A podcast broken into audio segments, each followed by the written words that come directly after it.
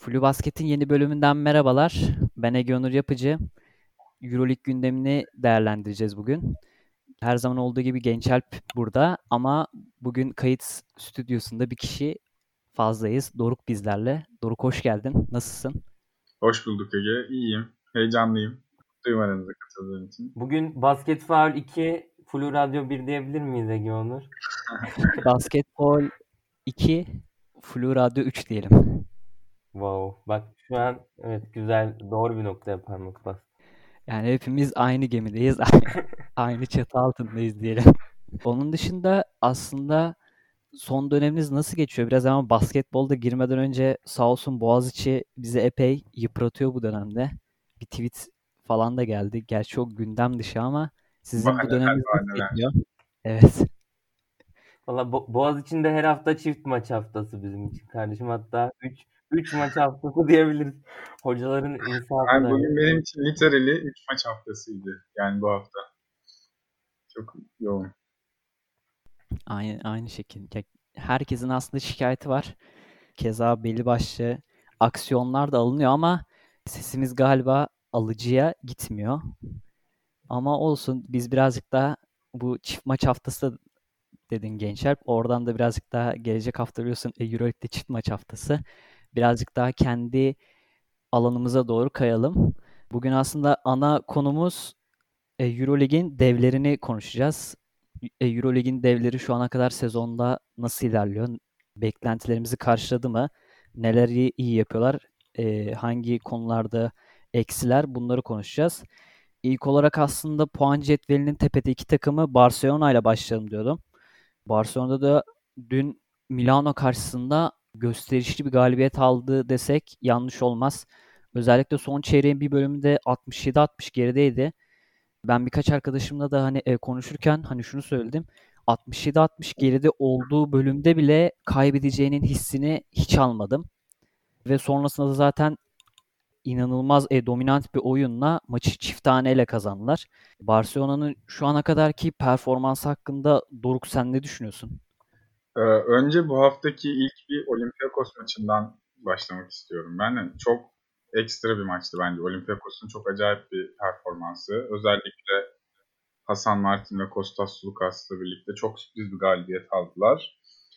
O maçtan sonra Milano karşısında 4. periyotta 7 sarıya geriye düşüp sonra da moladan alınan o reaksiyonla birlikte galiba 25'e 2'lik bir son periyot sonucu falan yakaladılar ondan sonra 85-79 gibi bir şey bitti. Ee, o noktada çok keyifli bir maçtı bu arada. Son 5 dakikaya kadar falan. son, son bölümde Milano'nun topsuz hareketliliğini fazla durdurduğunu düşünüyorum. O 4 kısaya geçme hamlesinin de ters tepkini düşünüyorum. Hani tabii ki Barcelona çok iyi bir tepki gösterdi ama orada Messina tarafından gelen hamlelerin ve topun dileğinin Panther ikilisine çok fazla kalmasının da e, Koç Eskevicius ve Barcelona'nın işini fazlasıyla kolaylaştırdığını düşünüyorum açıkçası.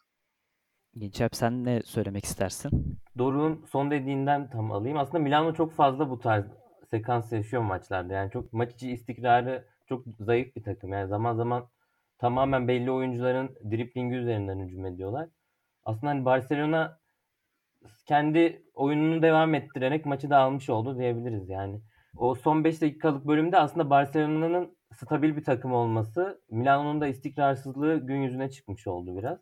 Bu bağlamda yani beni şaşırtan Barcelona adına hep şu oluyor yani sezon başından beri hala bu şaşkınlığımı atamıyorum. 13 hafta geçti. Yani bu kadar hücum zenginliği olan bir takımın böyle savunma takımı olarak öne çıkması hiç beklemiyordum yaz, yaz aylarında ama aslında Koç Eskevicius Jalgiris'teki anlayışı tamamen Barcelona'da yansıtmış durumda. Yani üçlükleri çok az deniyorlar ki yani modern basketbolda çok sık rastlamadığımız bir şey. Ben bunu mesela Zalgiris'teyken hani takımın özelliklerinden dolayı böyle olduğunu düşünüyordum. Aslında mesela bu koçun kafasındaki basketbol anlayışına daha çok uyuyormuş. Yani takımda ben mesela Corey Higgins'in çok fazla ya da Nick Calates'in çok fazla rol almasını ve bunun hani hızlı hücumlar üzerinden olmasını beklerken bir anda Brandon Davis ve Nikola Mirotic üzerine bir kurgu var. Ama bu yani takıma da aslında bir istikrar getirmiş oluyor. Çünkü yani çok yetenekli bir takım ama roller çok net takımda ve yeteneğe bağlılığını da biraz azaltmış durumda yani takım. Günlük performansların çok fazla önemi yok Barcelona'da. Reboundlarda zaten her zaman üstünler. Ligin zaten en fazla ikilik kullanan takımı. Aynı zamanda ikiliklerden ikilikleri de en fazla yüzdeli atan takım. Yani bunu sağlayabilmek çok kolay değil. Bu bağlamda yani Barcelona'nın ben aynı şekilde devam edeceğini düşünüyorum. Yani onlar için en önemli olan şey yani düzenlerin yeni bir kurulan bir takıma göre ki Fenerbahçe'de mesela bunu konuşacağız. Yani yeni kurulmanın getirdiği sancıları.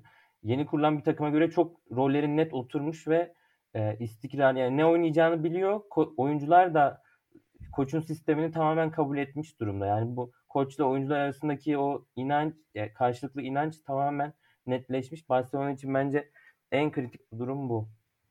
Ya Barcelona'da biraz hani savunma takımıyla anılmasını falan söyledin. Hakikaten o kadar sertler ki zaten maça da e, yine bir 11-0'lık mı tam hatırlamıyorum ama hani sıfıra karşı bir seriyle başlamışlardı. Ya bu takım sanki böyle hani canı istemese hani rakip takıma sayı attırmayacak bir savunma sertliği var gibi. Zaten e, Yasikevicius'un da en önemli bence koçluk başarısı da o çalıştırdığı takımlarda bu takım savunmasını iyi seviyede e yaptırması. Yani bunu e, de mesela hatırlıyoruz. Zalgiris o takım savunmasını ve e, mücadeleyi sert ve e, yüksek seviyelerde e yapan bir ekipti. Onun dışında Barcelona'da dediğin gibi çok fazla yani opsiyon var. Açıkçası hani başta ilk akla zaten bir e, şey geliyor. E, Mirotic geliyor. İnanılmaz bir güç. Yani Avrupa'nın çok üstünde bir oyuncu. Ama yani Emirat için dışında e, bu takım Higgins'e sahip, Brandon Davis'e sahip, Kalates'e sahip, Abrines'e sahip. Yani bu takım e, yarı saha hücumlarına da iyi oynayabilecek e, oyunculara sahip ama hızlı hücumu da oynayabilecek e, oyunculara sahip. Yani Barcelona'da yani her yani her şey var açıkçası ve çok e, dediğim gibi bence diğer takımlara en nazaran birazcık daha ayrışıyorlar. Bu sene başlarında da bence geçen seneye oranla daha ne istediğini bilen bir koç var. Yani dediğim gibi Barcelona ile alakalı benim söyleyeceğim veya ekleyeceğim fazla da bir şey yok. Ben de küçük bir şey ekleyebilirim belki buraya girmeden. Gençer çok güzel bir noktaya parmak bastı. Koç ve oyuncular arasındaki ilişkiden ve koçun kendi planlarını oyunculara çok iyi bir şekilde anlattığından ve kabul ettirdiğinden bahsetti. Ee, bence basketbolda savunmanın yarısından fazlası enerji ve konsantrasyonla yapılıyor. Ondan sonra geri kalan kısmında artık planlama, rotasyonlar falan devreye giriyor. Yani Barcelona'nın hedefi çok net bir takım. Şampiyonluk için oynuyorlar. Ligin her maça çıkarken de ligin en iyi takım olduklarını kanıtlamak için oynuyorlar. Ve Koç Jasikevicius'un da mükemmelliyetçi yaklaşımı, basketbola mükemmelliyetçi yaklaşım ve o üstün oyun bilgisi onun söylediği şeyleri yaparsa oyuncuların başarıya ulaşabileceklerine olan inancı fazlasıyla onları motive ettiğini düşünüyorum. Yani kenarda Yasikevicius'un enerjisi de oyunculara fazlasıyla geçiyor. Bu başarılarında koçun payı çok büyük. Ya Doruk şimdi sen savunmadaki isteklerinde e, oyuncuların hani koçun payından bahsettin. Ya aslında düşündüğüm zaman şimdi yine Fenerbahçe ile Fenerbahçe şu an çok sinirli olmamın da tabii bunda etkisi var. Kıyaslamak istiyorum. Şimdi aslında Barcelona'nın yeteneklerine baktığın zaman bu kadar sert savunma yapmasına ihtiyacı olan bir takım değil. Özellikle Fenerbahçe'ye kıyasla. Mesela Fenerbahçe'nin savunma yapmadığı zaman bir maç kazanma şansı yok. Yani böyle bir lüksü yok zaten. Ama buna rağmen oyuncuların mesela bazı reboundlarda, bazı pozisyonlarda Barcelona'lı oyunculara göre çok daha isteksiz olduğunu görüyoruz. Yani burada evet koç yani yeni iki koçun yani Kokoşko ve Yasikevicius'un arasındaki yani çok temel bir farka işaret ediyor. Zihniyet farklı bence kesinlikle. Kesinlikle. Bir sorun var. Şimdi Asvel ve Olympiakos yenilgileri ard arda geldi aslında. Yani çok 10 gün içinde oldu. Yani bu da Barcelona'nın yenilebilir bir takım olduğunu da biraz gösterdi. Yani bu yenilmez armada kimliği vardı. Biraz korkutucu bir başlangıç yapmışlardı. Bu konuda ne düşünüyorsunuz? Yani bu takımlar neleri yapar, yaparak sizce öne çıktılar Barcelona karşısında? Yani bence açıkçası e, Asfel ve Olympiakos maçında e, ikisinde de en çok ön plana çıkan rakip takımların enerjileriydi. Özellikle savunma enerjileri. Yani e, Asfel öyle bir savunma yaptı ki Barcelona'yı her pozisyonda boğuyorlardı. Çok zorladılar, çok yıprattılar. Kritik anlarda şütörler şey yaptığı zaman o şuta kalktığı zaman artık hani elleri titriyordu. Yani hiçbir zaman boş değillerdi. Sürekli enselerinde nefes hissediyorlardı. Atletik ve enerji enerjik oyun sayesinde kazandıklarını düşünüyorum ve hani belki de yani 20 tane maç yapsalar bir tanesini kazanırlar diyebileceğimiz türden bir maçtı. Hücumda da hani çok ekstra şeyler yaşandı. Barcelona'nın şu ana kadar hücumdaki defeklerini çok fazla göremedik. Çünkü o kadar iyi savunma yapıyorlardı ki yani maç o hücum tarafından kalmadığı için belki de. Şimdi karşılarına iyi savunma yapan takımlar çıktığı zaman onların da kaybedebildikleri dediğin gibi ispatlanmış oldu. Aynen. Özellikle bireysel performanslar işte Olympiakos'ta Hasan Martin ve Sulukas belki de bu senenin en iyi performansını gösterdi ikisi. Sulukas hücumda, Hasan Martin savunmada ve hücumda iki tarafta da. Son olarak şunu söyleyeyim. Hani Barcelona'yı hani bir maç yenmek yani mümkün ama hani 3 maçlık bir play- playoff serisinde hani çok çok zor bu, bu kadar sert bir takımla mücadele edebilmek diye düşünüyorum. Ama Euroleague'de tabii Final Four gibi bir gerçek olduğu için bakalım Mayıs ayı bize neler gösterecek. Ama Final Four'un da işte varlığı böyle güzel hikayelerin çıkmasına da yani e, sebep oluyor. Benim de zaten daha da ekleyeceğim bir şey yok. Güzel özetlediniz. Bir diğer İspanyol devine Real Madrid'e geçelim. Real Madrid'de Real Madrid hala dev mi sence Ege Onur? ya ben dev diyebilirim açıkçası. Yani son dönemde toparladılar. Ve Doncic sonrası aslında bir Campazzo e, dönemi vardı diyebiliriz ve, ve bu Campazzo e dönemi bitti zaten. Ama mesela Campazzo sonrasında da bence çok kötü sınavlar vermediler. Yani oraya kesinlikle transfer gelmesi lazım arada. O, o zaten net bir şey. Ama çok bocaladılar mı? Bence hayır. Yani zaten CSK, Asfel, Ezenit'ti. Asfel ve Zenit çok sınav niteliğinde değildi ama mesela CSK maçında da maçta kaldılar. Hatta Mike James'in son e, hücumda çok epik bir basketi vardı. Bir, bir basket faulü. Real Madrid'de şu an için işler iyi gidiyor ama bunu ne kadar uzun bir e, maç periyoduna e, yayarlar bu biraz soru işareti. Zaten bu hafta da çok ilginç bir 5'le başladılar. Hatta 5'i şu an okuyayım size. Alberto Abalde, Jeffrey Taylor, Gabriel Deck, Anthony Randolph ve Trey Tompkins 5 ile başladılar. Ama dediğim gibi yani Zenit ve Asfel'de çok e, Real Madrid'de rakip olabilecek seviyede değiller. Daha demin Asfel'in Barcelona'yı e, yenmesinden bahsettik ama Asfel o maçta 21'de 13'te 3 katmıştı yani. Hatta 13'te 10'la başladılar galiba. Öyle bir çok müthiş bir başlangıçları vardı. Yani hücumda çok iyi oldukları bir maçtı ve Doruk da aslında orada güzel söyledi. Hani e, yani e 20 kere ol, e maç yapsalar bir kere e kazanırlardı. E, siz Real Madrid'in geleceğiyle hani sezonun ilerleyen kısmıyla alakalı e, neler düşünüyorsunuz? Ya aslında bireysel yeteneklere bağlı olan bir takım olmadıklarını yani dediğin gibi ispatlamış oldular. Yani bu şu an alınan galibiyetler ve yani bu Campazzo'nun gidişi sırasında sarsılmamaları yani aslında Eurolig'in hala önemli bir dev kulübü olmasına işaret eden bir durum. Güçlerinden çok büyük kayıplar yaşadılar tabii ki ama hatta yani Luka Doncic'in mesela 2018'de ayrılmasıyla şu an Campazzo'nun ayrılması arasında da çok büyük fark var. Yine de e, yani takım alışkanlıkları öyle bir seviyede ki çünkü yani orada Abalde'yi çıkar, Abalde ve Laprovitola'yı çıkardığın zaman yine de 4 senedir beraber oynayan bir oyuncu grubu görüyorsun. Ki yani bu sene Euroleague'de uzunların zaten yani çok fazla açıkçası. Şimdi Barcelona'dan bahsederken mesela Brandon Davis ve Minotic'den bahsettik. CSK'da Mike James'i bir kenara koyduğun zaman e, Şengelya ve Milutinov'un rolü çok fazla. Yine aynı şekilde Real Madrid'de de Tavares iyice oyunun merkezine doğru gelmiş konumda. Yani mesela 2018'deki Final Four'da Tavares'in yani oyunu değiştiren kişi olması sürpriz olarak karşılanıyordu. Yani o zaman bir tam anlamıyla yan parçaydı takımda. Bu seneye baktığın zaman ta, yani takımın ana oyuncusu. Yani zaten klasik bir 20-25 dakika süresi oluyor. O bölümde yani büyük çoğunlukla onu kullanmaya çalışıyorlar. Yani karşı takımın da önlemleri hep Tavares'i potadan uzaklaştırmak üzerine oluyor. Dolayısıyla onlar da hani oyunlarını artık kısalar, şimdi saydığım 5 mesela çok önemli bir şey ifade ediyor. Kısalardan uzunlara doğru kaydırmaya başladılar onlar da sistemlerini. Ama bu noktada tabii özellikle kritik maçlarda top yönlendiricilere çok ihtiyaç duyacaklar. Yani o zaman bakalım ne olacak. Yani Mike James'in mesela orada maçı kurtarması yani Real Madrid'in hikayesinde biraz anlatıyor. Yani Real Madrid'de o tarz bir oyuncu yok ki zaten çok da büyük bir hata yaptılar. İki ikilik kullanarak o maçı zaten vermiş olar. Orada üçlük deneyebilecekleri bir pozisyon var. Yani orada bir saha içi liderinin yokluğunu aradılar kesinlikle. Sen ne düşünüyorsun Doruk? Ya öncelikle iki maçı şey kıyaslayacak olursak hani Zenit maçında daha rahat bir performansla kazanan Real Madrid varken Asfel maçı az daha ellerinden kayıp gidiyordu. Asfel hatta maçın büyük bir bölümünü önde götürdü. Orada da tabii büyük bir karakter ve bu sezonun formsuz ismi Sergio Yul sahneye çıkarak maçı aldı bir nevi kendine. Bir de birazcık tabii Parker'ın da tercihleri, Asper Kocu Parker'ın da değişik tercihlerinin etkisiyle şanslı bir galibiyet oldu diyebiliriz onlar adına.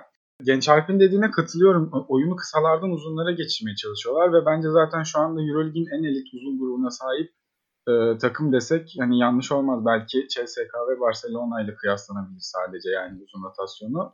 Tavares, Randolph, Trey Tompkins hani hem alan açabilen hem pas verebilen, oyunu iyi okuyan, savunmada çok farklı eşleşmeleri değerlendirebilen oyuncular. Lasso'nun eli o anlamda çok rahat ve yani kritik anları oynamaya alışık da çok fazla oyuncu var ellerinde. Tecrübeli diyebileceğimiz işte Rudy Fernandez'i, Sergio Agu'yu artık belki hani Anthony Randolph, Trey Tompkins de tecrübeli gruptan sayılabilir yani. Onun dışında e, Real Madrid için senin dediğin gibi top yönlendirici eksikliği iki galibiyet aldığı maçta da çok bariz bir şekilde hissediliyordu bence. Hani Zenit maçında Abalde'nin ekstra üçlük performansı e, bu, bu açığı kapatırken diğer maçta da Lül'ün işte 5 üçlükle falan oynamıştı galiba. O, o ekstra performansı bu açığı kapattı ama hani günümüzde o top yönlendiricinin sayısının ve çeşitliliğinin fazlalığı takımlarının elini fazlasıyla rahatlatmanın ötesine geçti artık. Yani hani o bir lüks değil, fazladan top yönlendiriciye sahip olmak bir gereklilik haline gelmeye başladı. Ve artık Euroleague'deki bu değişen basketbol içerisinde üst seviyede playoff'a, Final Four'a gelindiği zaman bu daha fazla savunmaya ve uzunların içeriden dışarıya çıkardığı toplardan veya işte ekstra üçlükleri bulmaya dayalı basketbolun ne kadar tutacağını ve onları nereye kadar götüreceğini tam kestiremiyorum ama hani mesela Efes'i bakalım. Simon gittiği zaman mesela Simon'u şeyden çıkardığın zaman bile birazcık formsuzlukların da etkisiyle 3 tane top yönlendirici bile bir maç kazanmaya yetmeyebiliyor. Real Madrid en önemli top yönlendiricisini kaybetmişken oraya bir ekleme yapmayacağını söylemesi açıkçası sezonun geleceği için benim kafamda çok ciddi soru işaretleri oluşturuyor Real Madrid adına. Ya işte o noktada takımın altın çağını yaşamaması aslında çok yani kritik. Mesela işte Luka Doncic gittiğinde mesela hiç yokluğunu hissetmemişlerdi. Yani şimdi Efes için söylediğin o 4 kişiden 3'ü kalsa yani belki büyük bir sorun olmayacak ama şimdi Real Madrid zaten hala eksilmekte olan kadrosundan hani en önemli liderini sezon ortasında kaybetmiş oldu ki hani çok kritik. Şimdi son olarak Real Madrid'i kapatırken size biraz daha hani hypothetical bir soru sorarak e, bitireyim. Şimdi Furkan Korkmaz'ı mesela şu takımda yani görmek ister miydiniz bir kısa yaratıcı olarak? Ben yani çok yani oturtuyorum oraya direkt cuk cuk yani. Ben çok fazla oyuna etkisi olacağını düşünmüyorum açıkçası Furkan'ın Real Madrid'de. Yani tam olarak istedikleri oyuncu olduğunu düşünmüyorum. Hem savunmadaki e, zaman zaman o yaşadığı konsantrasyon kayıpları ve ben daha veriminin daha çok o üst seviyede en azından top yönlendirici olarak değil de sabit şutör olarak kullanıldı. Yani şutör olarak kullanıldı. Yani sabit olmasına gerek yok. Perde çıkışlarından falan da çok iyi şut atan çok değerli bir oyuncu Furkan ama Madrid'in bence şu anda eksikliğini çektiği nokta o değil gibime geliyor. Furkan daha çok böyle ona pozisyon hazırlanacak. Dediği gibi işte perde çıkışında veya o daha J.C. Carroll gibi hani böyle sabit şutör, nokta şutör. Ama NBA'deki kimliğiyle değerlendiriyorsunuz bence Furkan'ı. Onun da etkisi var. Yani mesela altyapı senelerinde ve Avrupa'dayken Bamit sezonunda da yani top yönlendirici özelliğini daha çok kullanıyordu Furkan. Yani NBA'de bunu yapması mümkün değil. Görüyoruz ama işte EuroLeague seviyesinde o Real Madrid'in hani şu anda bizim konuştuğumuz o playoff sertliğinde, Final Four sertliğinde top yönlendirmek için yöneleceği oyuncu Furkan olabilir mi olamaz mı? Ee, yani şu anda çizdiği şeyle son iki senedir oynadığı basketbolla olamaz gibi. Ama tabii hani NBA ile Euroleague arasındaki seviye farkından dolayı bazı oyuncular Avrupa'ya geri döndüklerinde çok ciddi fark yaratabiliyorlar. yani Furkan o tarz bir gelişim gösterirse o zaman Real Madrid'e final hayırlı olsun diyelim yani. Yani benim de çok ekleyeceğim bir şey yok. Ya dediğin gibi hani alt yaş kategorilerinde evet oralarda fark e, yaratabilmiş bir oyuncu ama yani e, Eurolig'in o top takımlarında fark e, yaratabilecek mi? Bu bence biraz soru işareti benim de. Onun dışında Real Madrid'i de bence kapatıp CSK'yı geçelim diyorum. CSK Moskova'da üst üste 8. maçını mı kazanmış oldu bu arada? Onu da tam hatırlamıyorum ama onlar da uzun bir galibiyet serileri oldu. Ve Mike James özellikle bir Baskonya maçında oynamamıştı. Daha sonra bazı e dedikodular çıkmıştı. Ama sonrasında adeta o dedikodulara ve Itudis'e bile nispet yaparcasına inanılmaz bir e, form düzeyine çıktı ve bu Kimki maçında da 51 verimlilikle oynadı. Yani triple double'ın bir asist uzağındaydı. Pardon bir rebound, bir rebound yani triple double'da çok ucu ucuna kaçırdı. CSK'nın genel form durumu ve e, Mike James hakkında e, neler düşünüyorsunuz? Mike James de en son ayın MVP'si oldu. Yani Mike James, Mike James hakkında ne diyoruz? Maşallah diyebiliriz sadece. Kendisi konuşuyor zaten. 30 sayıyla triple double yapacaktı az daha en son Kimki maçında ki bana kalırsa 3. periyotta ve 4. periyodun da ilk döneminde şeyi çok zorladı. E, asist yapmak için çok zorladı. Asistini ona tamamlayabilmek için çok zorladı. Ve o kendi takım düzenini de bozdu. Bu sayede Kimki de oyunun içerisinde kaldı. E, ondan dolayı kaçtı gibi geldi bana triple double. Yani kendi doğal sürecine bıraksa belki triple double tamamlamıştı. 51 verimlilikle oynadı. CSK'nın kulüp rekoruymuş galiba bu 51 verimlilik. Ben en son Ebu dominasyonu o savaşın 2011 yılında bir maçında görmüştüm. yani bizlerin de o hasret kaldığı bir 10 yıl sonra Mike James'in bu oyunu cidden ekranda beni çok mutlu etti izlerken. CSK sezona birazcık kırılgan bir şekilde başladılar. Kendilerinden beklenmeyecek bir şekilde. Tam olarak rollerin oturmadığı gözüküyordu. Mike James formsuzdu. Genelde 10 sayı 15 sayı arasında kendinden yani işte alışık olmadığımız şekilde o civarlarda bitiriyordu maçları. Clyburn çok formda başlamıştı ama işte bu takımın liderinin ve maçı sürükleyecek oyuncusunun Clyburn değil Mike James olduğunu o dönemde görüyorduk zaten aldıkları işte 3 mağlubiyette o baştaki dönemde aldılar. Son 8 maçlarında kazanıyorlar. Aşırı formdalar. Milutinov ve Şengelya pota altını iki tarafta da çok acayip domine ediyor. Milutinov'u özellikle çok iyi kullandıklarını düşünüyorum ben hem hücumda hem savunmada. Mike James ile Hilliard'la olan ilişkisi çok üst düzeyde. Şengelya da hani şu an çok öne çıkmıyor gibi gözüküyor ama top geçiş hücumlarında top taşımada gene rebound katkısı vermede ikili oyunlarda çok fazla tehdit yarattığı için yine kısaları çok fazla rahatlatıyor. Yani hiçbir şey yapmasa bile kısaları rahatlattığı için sağda tutabileceğiniz bir oyuncu. Yani zaten Şengelya'nın Euroleague'in en elit 4 numaralarından bir tanesi olduğunu tartışmanın çok da bir gereği yok. Onun da kendisine verilen rolü çok iyi şekilde kabul ettiğini düşünüyorum. Yani o takımın lideriydi eskiden Baskonya. Çok uzun süredir bir takımın lideriyken şimdi başka bir takıma dönüp bu takımda daha yardımcı bir role soyunmak, daha böyle işte işleri karıştıran, gerektiği zaman sertliği veren bir oyuncu haline dönmek ve bu rolü benimsemek kolay değil. Burada yine hem Itudis'in hem de Şengelya'nın e, iletişimlerin çok üst düzeyde olduğunu düşünüyorum ve CSK ile ilgili en çok gözüme çarpan şey ne zaman işler kötüye gitse ve bir maçta Itudis molayı alsa o moladan çok verimli bir şekilde ve mutlaka bir seri yakalayarak, oyun anlayışlarını değiştirerek ya bir taktiksel hamle ya bir enerjideki bir değişiklikle geri dönüyorlar.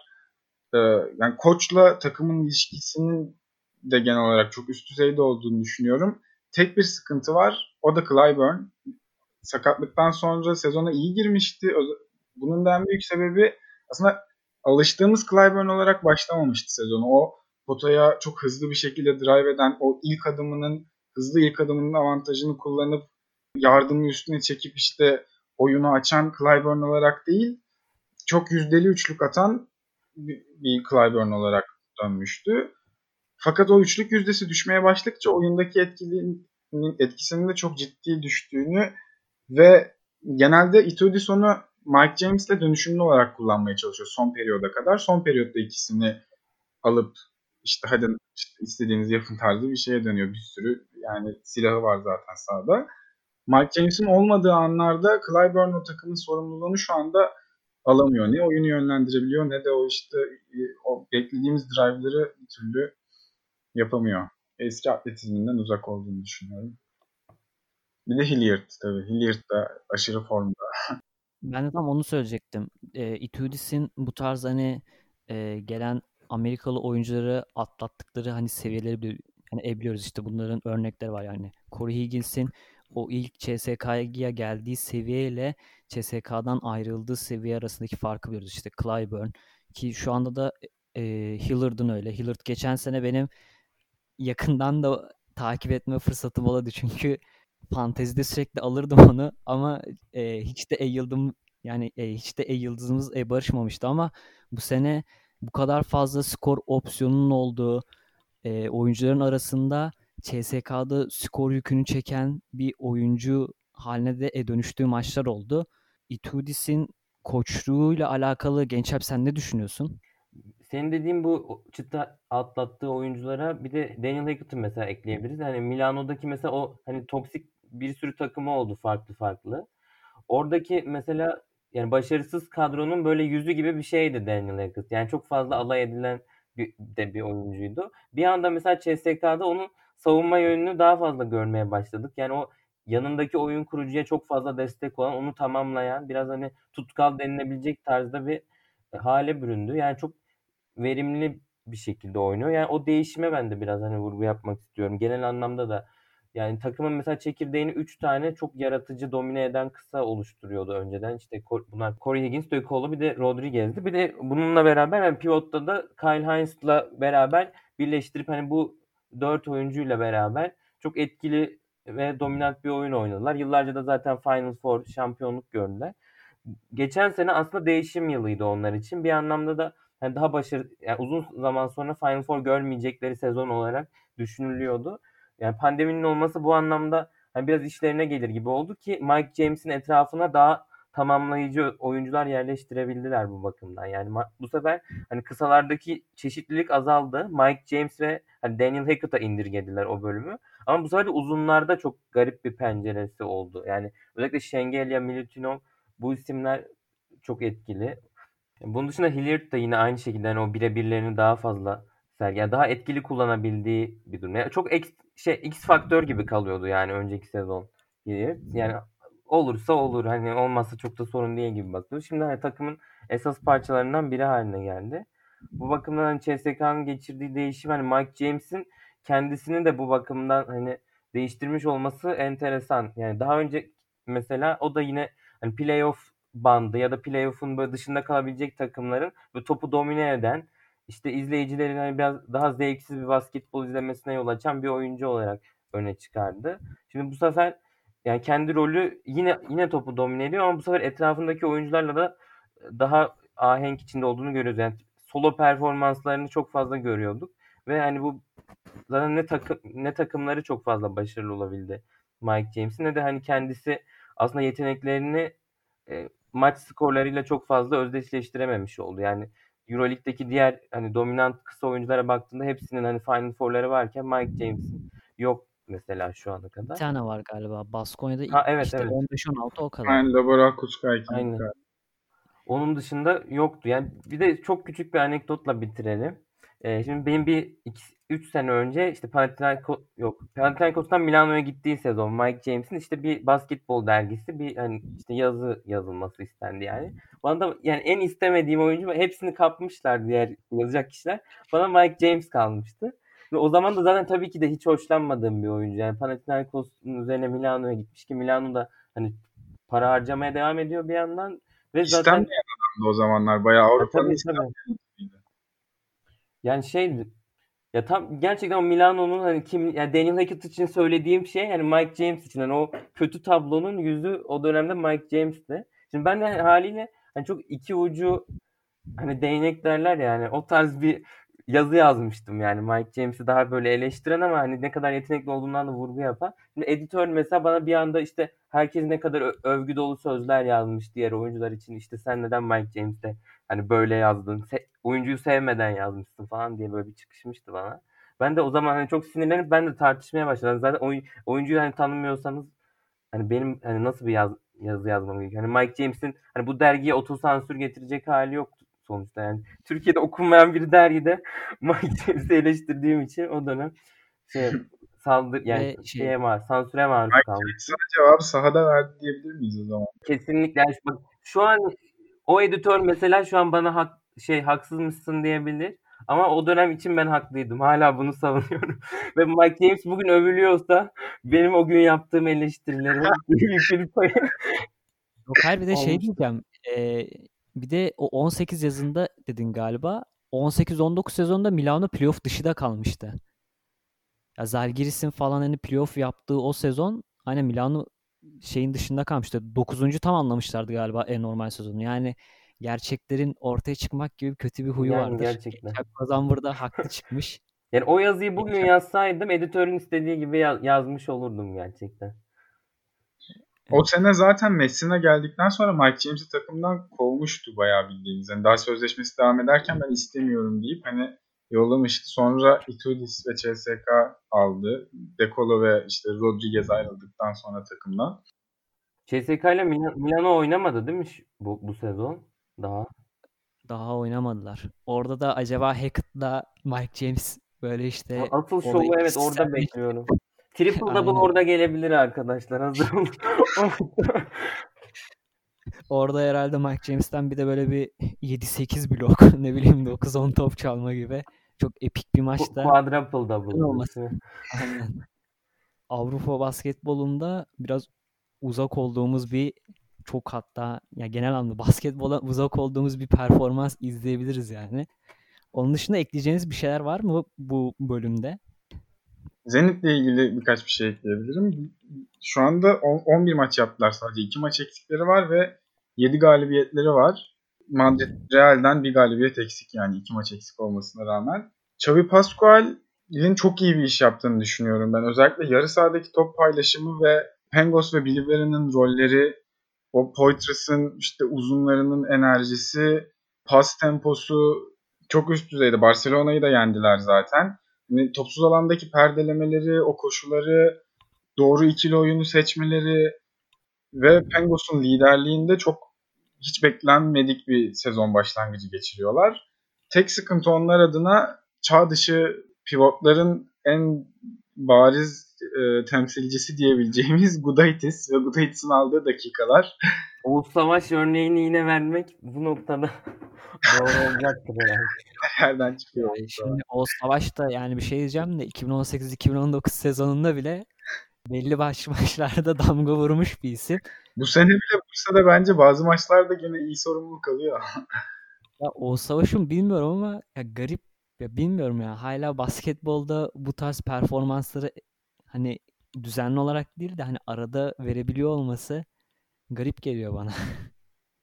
o da mesela çok yavaş, çok hantal bir oyuncu çünkü. Özellikle pozisyon sayısının bu kadar arttığı, hani çok işte hızlı hücuma dayalı falan diyoruz ama o savaşın hala fark yaratabiliyor olması da onun ne kadar eşsiz ve e, klas bir oyuncu olduğunu gösterir. E, yaptığı şeyleri en iyi şekilde yapıyor gerçekten. Ama yaşlandıkça o kalça kontrolünün gelişmesi, o topun nereye düşeceğini bilmeleri falan da çok ciddi fark yaratıyor yani özellikle daha toy oyunculara karşı. Neyse Zenit'e dönecek olursak da Gudaitis hani o tarz bir pivotu şu anda sahada tutmanın yükü çok ağır bütün takımlar için. Özellikle hücum tarafında ve bu oyuncular sahada kalırken savunma için savunma kısmında yeterli sertliği gösteremedikleri zaman o yıldırıcılığı pot altındaki o mücadeleyi gösteremedikleri zaman tamamen atıl hale geliyorlar kendi takımları için. Pascual da Budaitis'i sürekli oyun içine sokmaya çalışıyor aslında. Onun üzerine çizdiği setler var. Ona sırtı dönük oynatmaya çalışıyor. İkili oyunları onun üzerinden oynayıp işte onu sayı buldurup şey yapmaya çalışıyor. Ritmini buldurmaya çalışıyor ama bir türlü istenilen seviyede değil. Yani o da düzeldikten sonra Zenit'in de ben bu sene hani bu oyunu devam ettirebilirsek Kevin Pangos özellikle Baron bir formsuz bir döneme girdi. O da tekrar aralarına katıldığı zaman Final Four için çok ciddi bir aday olduğunu ve playoff'ta çok güzel maçlar izleteceğini düşünüyorum açıkçası. İddialı bir söz oldu ama Kesinlikle. Biraz Dalgiris'i hatırlatıyor ama 2017-18 sezonundaki. Evet. İkisinin de kuzey takımı olması da bir ortak noktaları aslında. Bir de Pengos. Pengos tabii ki orada. Evet. Evet Doruk'un bu iddialı sözünden sonra benim açıkçası söyleyecek pek de bir e, sözüm yok. Gençler senin son olarak eklemek istediğin bir şey var mı? Benim de Zenit'in karşısına çıkardığım e, aday takım, Final Four adayı değil bence. Bu kadar iddialı olmayacağım ama playoff adayı e, Baskonya olduğunu düşünüyorum. Çünkü e, zaten onların onlar için en büyük problemi maçın belli bölümlerini çok iyi oynayıp bazı anlarda da çok düşüş yaşadıklarını söylemiştik. Biraz o istikrarı yakalamaya doğru gidiyorlar. Zaten Tonya Jekir'in özellikle yani ikili oyun savunmasında çok büyük etkisi vardı. Şimdi asıl 4 numaraları zaten hani sezon başından beri ara ara katkı veriyordu ama şimdi Aşil Polonara ve Alec Peters'la beraber yani çok ciddi bir ivme yakaladılar. Zaten kısa rotasyonunda da yani çok özel oyuncuları var. Yani Pierre Henry ve Luca Vildoza gibi. Özellikle 4 numaralardan aldıkları katkıyı biraz daha istikrarlı hale getirip hani yani çok daha iyi yerlere gidebileceklerinin sinyallerini verdiler. Özellikle Fenerbahçe maçından sonra e, istikrarı da yakaladıklarını gördük ve e, Koç Duşko Ivanovic'in molalarının kesinlikle yansıdığı bir başka takım. Yani bunu ben Beşiktaş'ta mesela iki sene boyunca izledik.